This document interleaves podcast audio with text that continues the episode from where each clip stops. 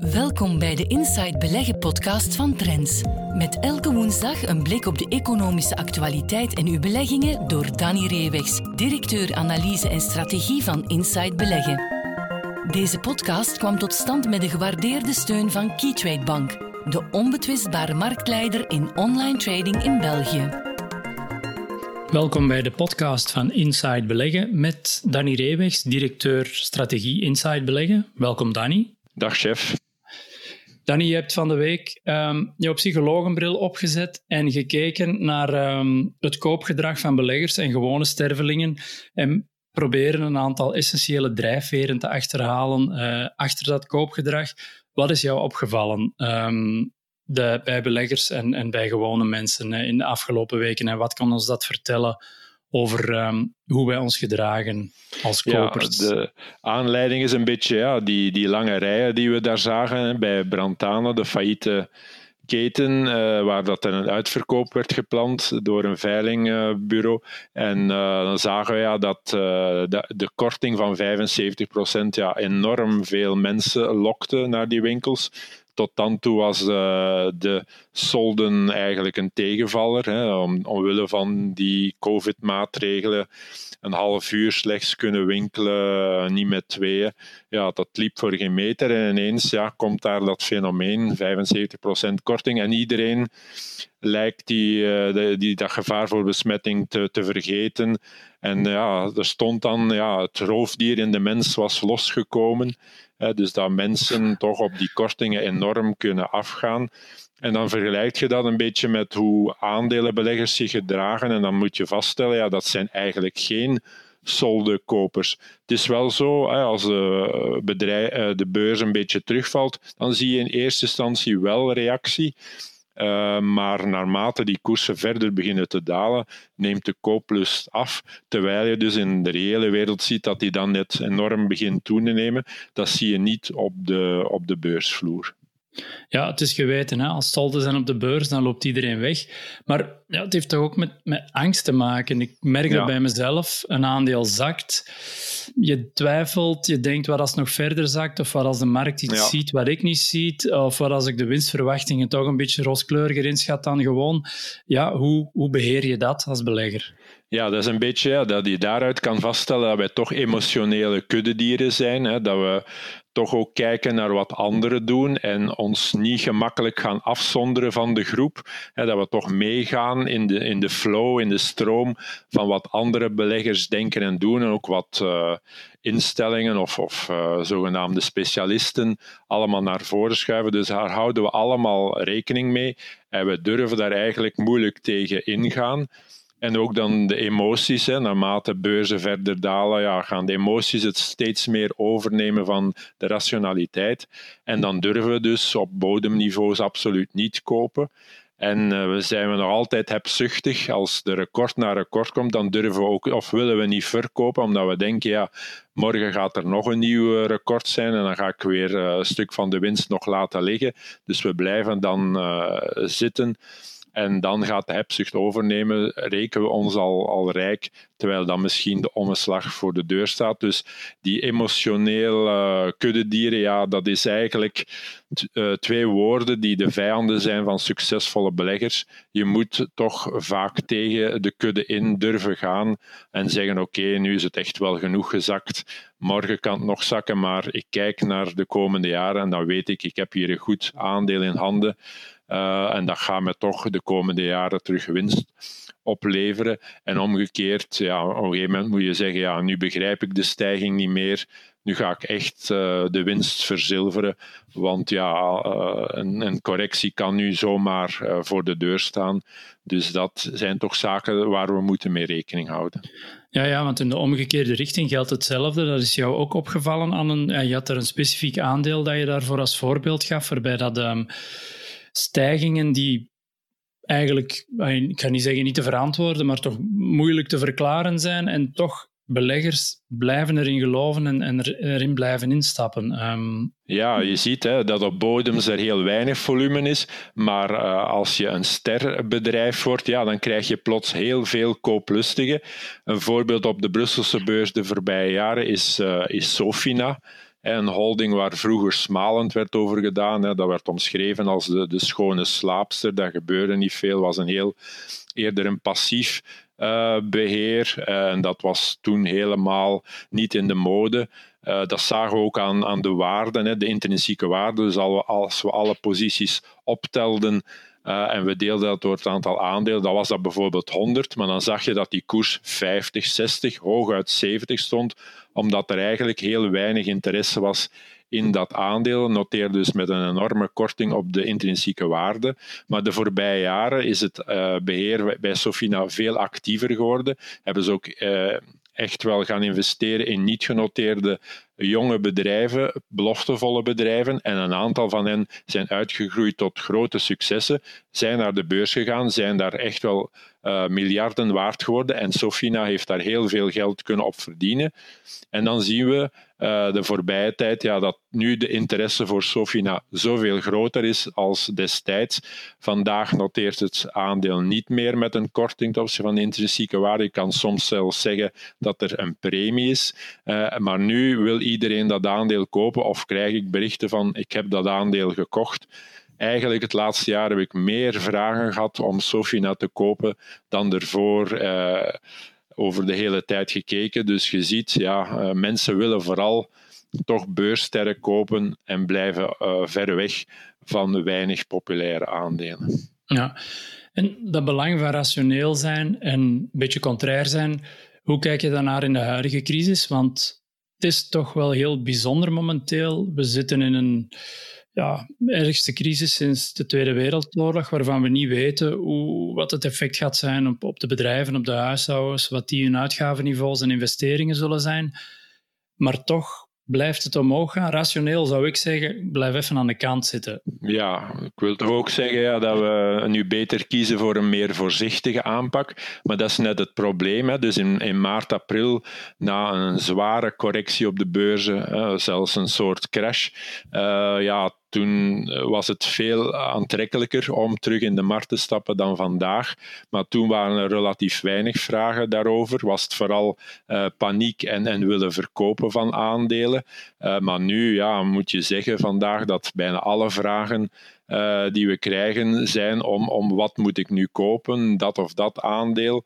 Uh, om dan niet te spreken van bijvoorbeeld die grote internationale sterren, genre Netflix en Tesla, uh, waar, waar het he helemaal niet meer te verantwoorden is waarom dat die aandelen zo hard stijgen.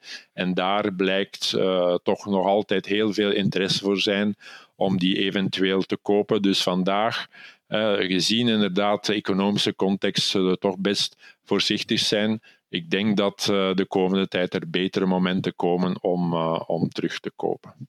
Ja, oké. En dan uh, het aandeel in de actualiteit is Ageas, Belgische verzekeraar. Uh, nog een erfenis van het uh, goede huisvader aandeel Fortis, een goede huisvader aandeel Fortis. Um, ja, het belangrijkste nieuws deze week was de nieuwe CEO die is aangekondigd, Hans de Kuiper, die Bart de Smet opvolgt. Ja. Um, heb je daar bepaalde verwachtingen rond wat dat zal doen met de verdere ontwikkelingen van het bedrijf? Ja, ik denk dat het vooral uh, aandeelhouders kunnen geruststellen. Hè. Dit komt een beetje onverwacht, dit nieuws. Dat hadden we niet zien, zien aankomen. Maar het heeft eigenlijk te maken met het feit dat uh, de voorzitter van de Raad van Bestuur, Jozef de Meij, die in principe volgend jaar met pensioen zou gaan uh, door gezondheidsredenen, dat een jaartje vroeger wil doen. En dat is dat Bart de Smet, die gepland was om door te schuiven naar die positie van voorzitter van de Raad van Bestuur, dat gewoon wat vroeger gaat doen.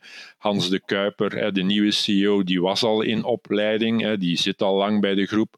Hij heeft uh, toch wel het succes getoond bij AG Insurance, bij uh, de ontwikkeling in Azië. Dus ik denk dat we de aandeelhouders kunnen geruststellen dat dit een, een, logische evolutie is, die alleen een beetje vroeger komt dan eerst gepland, maar dat het beleid, het succesvolle beleid van Bart de Smet de jongste jaren, want is op uh, de puinhoop van Fortis dat hij toch een, een, nieuw mooi verhaal heeft geschreven met Ageas, dat dat, ver, uh, dat dat beleid zal verder gezet worden de komende jaren.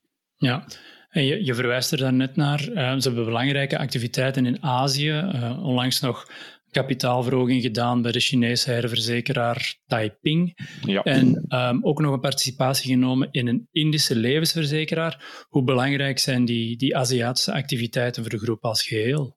Ja, ik denk dat dat heel belangrijk mag uh, genoemd worden, omdat dit uh, Ageas veel meer dan andere Europese verzekeraars een groeiprofiel geeft. Hè. Hier in Europa is dit eerder een, een stagnerende, stabiele business, waar er niet spectaculair groei in zit. Dan moet je elders in de wereld zijn en vooral in Azië. En Ageas heeft dat goed en tijdig begrepen, heeft daar een volledige ontwikkeling gedaan, heeft nu ook de ervaring. Hè. Ze zaten bijvoorbeeld al in Taiping Live, een andere dochter van die groep. Dus ze kennen, ze kennen die groep, ze kennen die markten. Iedereen weet, ja, je moet in Azië zijn, maar voor andere verzekeraars is dat toch moeilijk om daar eerste stappen te zetten, omdat je die markten uh, niet kent.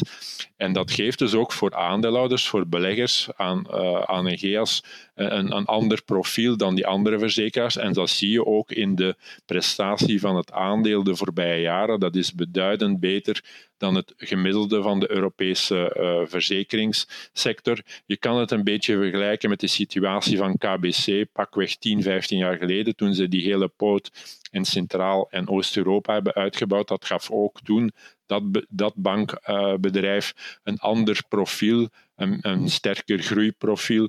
En dat lokt toch ook wel een aantal beleggers naar, naar uw bedrijf. Dus ik denk dat dat heel verstandig is om die poot verder te ontwikkelen. En het is niet uh, ja, toevallig dat die persberichten de voorbije tijd dan uh, zijn gepubliceerd geweest.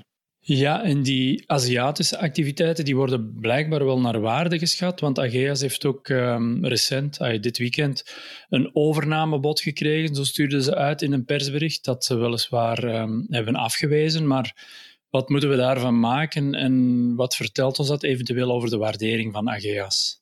Ja, we hebben gezien dat vroeger Ageas toch wel goedkoper noteerde dan de markt omwille van heel dat Fortis-verleden en de mogelijke schadeclaims die daaraan vasthingen. Maar door die grote schikking die Ageas heeft doorgevoerd, was dat al weg. Maar je kan niet zeggen dat vandaag Ageas veel duurder is dan gemiddeld uh, in de Europese verzekeringssector, ondanks dat uh, besproken potentieel in Azië. En vandaar dus blijkbaar dat een uh, die conclusie ook was. Uh, die Belgische investeerders, verenigd in BE-groep, hebben getrokken. Want zij hebben dus een indicatief en, zeer voorwaardelijk bod gedaan op Ageas. De maatschappij heeft dat uh, dit weekend bevestigd. Ageas heeft dat bod bestudeerd, maar toch wel afgewezen omdat het als onrealistisch werd, werd beschouwd. Maar het geeft aan ja, dat Ageas toch wel een uniek profiel heeft en dat dat eventueel investeerders kan aantrekken. Iets verder terug in de tijd heb je, hebben we de halfjaarresultaten van Ageas gehad. Nu, COVID lijkt wel een zegen te zijn geweest voor de verzekeringsportefeuille van Ageas. Um, wat waren voor jou de voornaamste punten uit dat halfjaarrapport? Ja, ik denk uh, dat het heel geruststellend was richting beleggers, richting aandeelhouders. Uh, de cijfers waren veel beter eh, dan verwacht. Ehm, en dat heeft ook te maken ja, met die uh, ontwikkelingen die, die heel gunstig zijn. Ehm, eh, dus de netto-winst is nauwelijks gezakt ten opzichte van uh, wat we in het tweede kwartaal van vorig jaar hadden gezien. En, en dat is denk ik toch wel geruststellend om in een sector die het door de heel lage rente toch niet vanzelfsprekend heeft de voorbije jaren, dat uh, ondanks de moeilijke omstandigheden, toch heel goed heeft kunnen standhouden. Hoe reageerde de koers en waar moeten beleggers die toch hun oog hebben laten vallen op Ageas uh, rekening mee houden om ja, eventuele kansen of opportuniteiten in de komende perioden uh, ja, rekening mee te houden? Ja, het aandeel heeft heel positief gereageerd. Ik denk ook terecht. Hè, als, als de analistenverwachting is 215 miljoen euro netto winst en het is dan 339 miljoen, ja, dan heb je echt wel de marktverwachtingen geklopt. En bovenop, uh, wat ook zeker geholpen heeft in, uh, in de koersstijging, is het feit dat uh, Ageas toch beslist heeft om uh, een interim dividend, een tussentijds dividend te gaan uitkeren. Dat is onverhoopt, omdat eigenlijk de Nationale Bank, maar ook dus de, op vraag eigenlijk van de Europese Centrale Bank aan de financiële sector gevraagd heeft om dit jaar geen uh, dividenden uit te keren, ook geen inkoop van eigen aandelen te doen. Nu, dat luik heeft AGS wel gehoorzaamd, zal ik zeggen. Ze gaan geen eigen aandelen meer eh, inkopen op korte termijn. Maar ze zeggen, kijk, onze balans is zo solide, onze resultaten ja, die lijden nauwelijks onder die COVID-19-pandemie. Dus wij kunnen onze aandeelhouders echt wel belonen met zo'n dividend. En het gaat om 2,38 euro per aandeel. Moet nog goedgekeurd worden op de aandeelhoudersvergadering van 22 oktober, maar dat is toch heel mooi meegenomen in deze tijd en bewijst inderdaad dat, uh, dat AGS er beter voor staat dan vele andere spelers in de financiële uh, sector. En dat wil bewijzen hè, dat ze ook heel veel vertrouwen hebben in de toekomst. Dus vandaar denk ik ja, dat interim dividend is toch een belangrijke boodschap aan de aandeelhouders. Ik moet het vragen, en ik hoop dat ik daarmee geen oude wonden oprijd, maar heb jij ooit Fortis aandelen gehad? Uh, ik heb ooit Fortis aandelen gehad, maar al, al niet meer, of al een hele tijd niet meer, op het moment um, van de, de grote financiële crisis. Hè. Fortis was toen een van de eerste ja. uh, bank- uh, of financiële groepen om in de problemen te komen. En dat had alles te maken met die toch wel stoutmoedige overname van, van ABN AMRO. Uh, ja, die heb ik eigenlijk eerlijk gezegd nooit begrepen. Ik vond dat nogal uh, ja, een beetje arrogant, een beetje uiting van hoogmoed. Maar in die dagen was er natuurlijk uh, een hele cultuur van, van overnames en fusies in de financiële sector. Het was groter, grootst uh, dat was de ambitie. Hè. Iedereen wou heel groot worden, wou buiten de landsgrenzen uh, op Europees niveau gaan meespelen. Maar ja, daar werden dan toch wel te veel risico's genomen. Hè. De kapitaalverhoging die nodig was om die overname te kunnen uh, slikken, ja, die was te groot. En dan komt natuurlijk de omslag en kwam Fortis heel snel in de problemen. Ja, je hebt op tijd kunnen verkopen. Hè? Jouw eerste les van vandaag in dachtig. Als je, ja, inderdaad, als je twijfelt, als je het niet goed begrijpt, als je niet akkoord gaat met een bepaalde belangrijke strategische beslissing van een bedrijf, ja, dan, dan moet je er afscheid van nemen. Ook al ja, stijgt het aandeel misschien nog eerst. Meestal ja, komt de, wordt de rekening op een gegeven moment wel vereffend. Oké, perfect. Je bent heel erg bedankt voor uh, jouw tijd en inzichten deze week en graag tot volgende week. Graag gedaan en tot volgende week. Tot zover deze aflevering van de Inside Beleggen podcast. Meer tips, advies en analyses voor uw beleggingen leest u morgen in Trends. Volgende week zijn we er opnieuw. Deze podcast kwam tot stand met de gewaardeerde steun van Keytrade Bank, de onbetwistbare marktleider in online trading in België.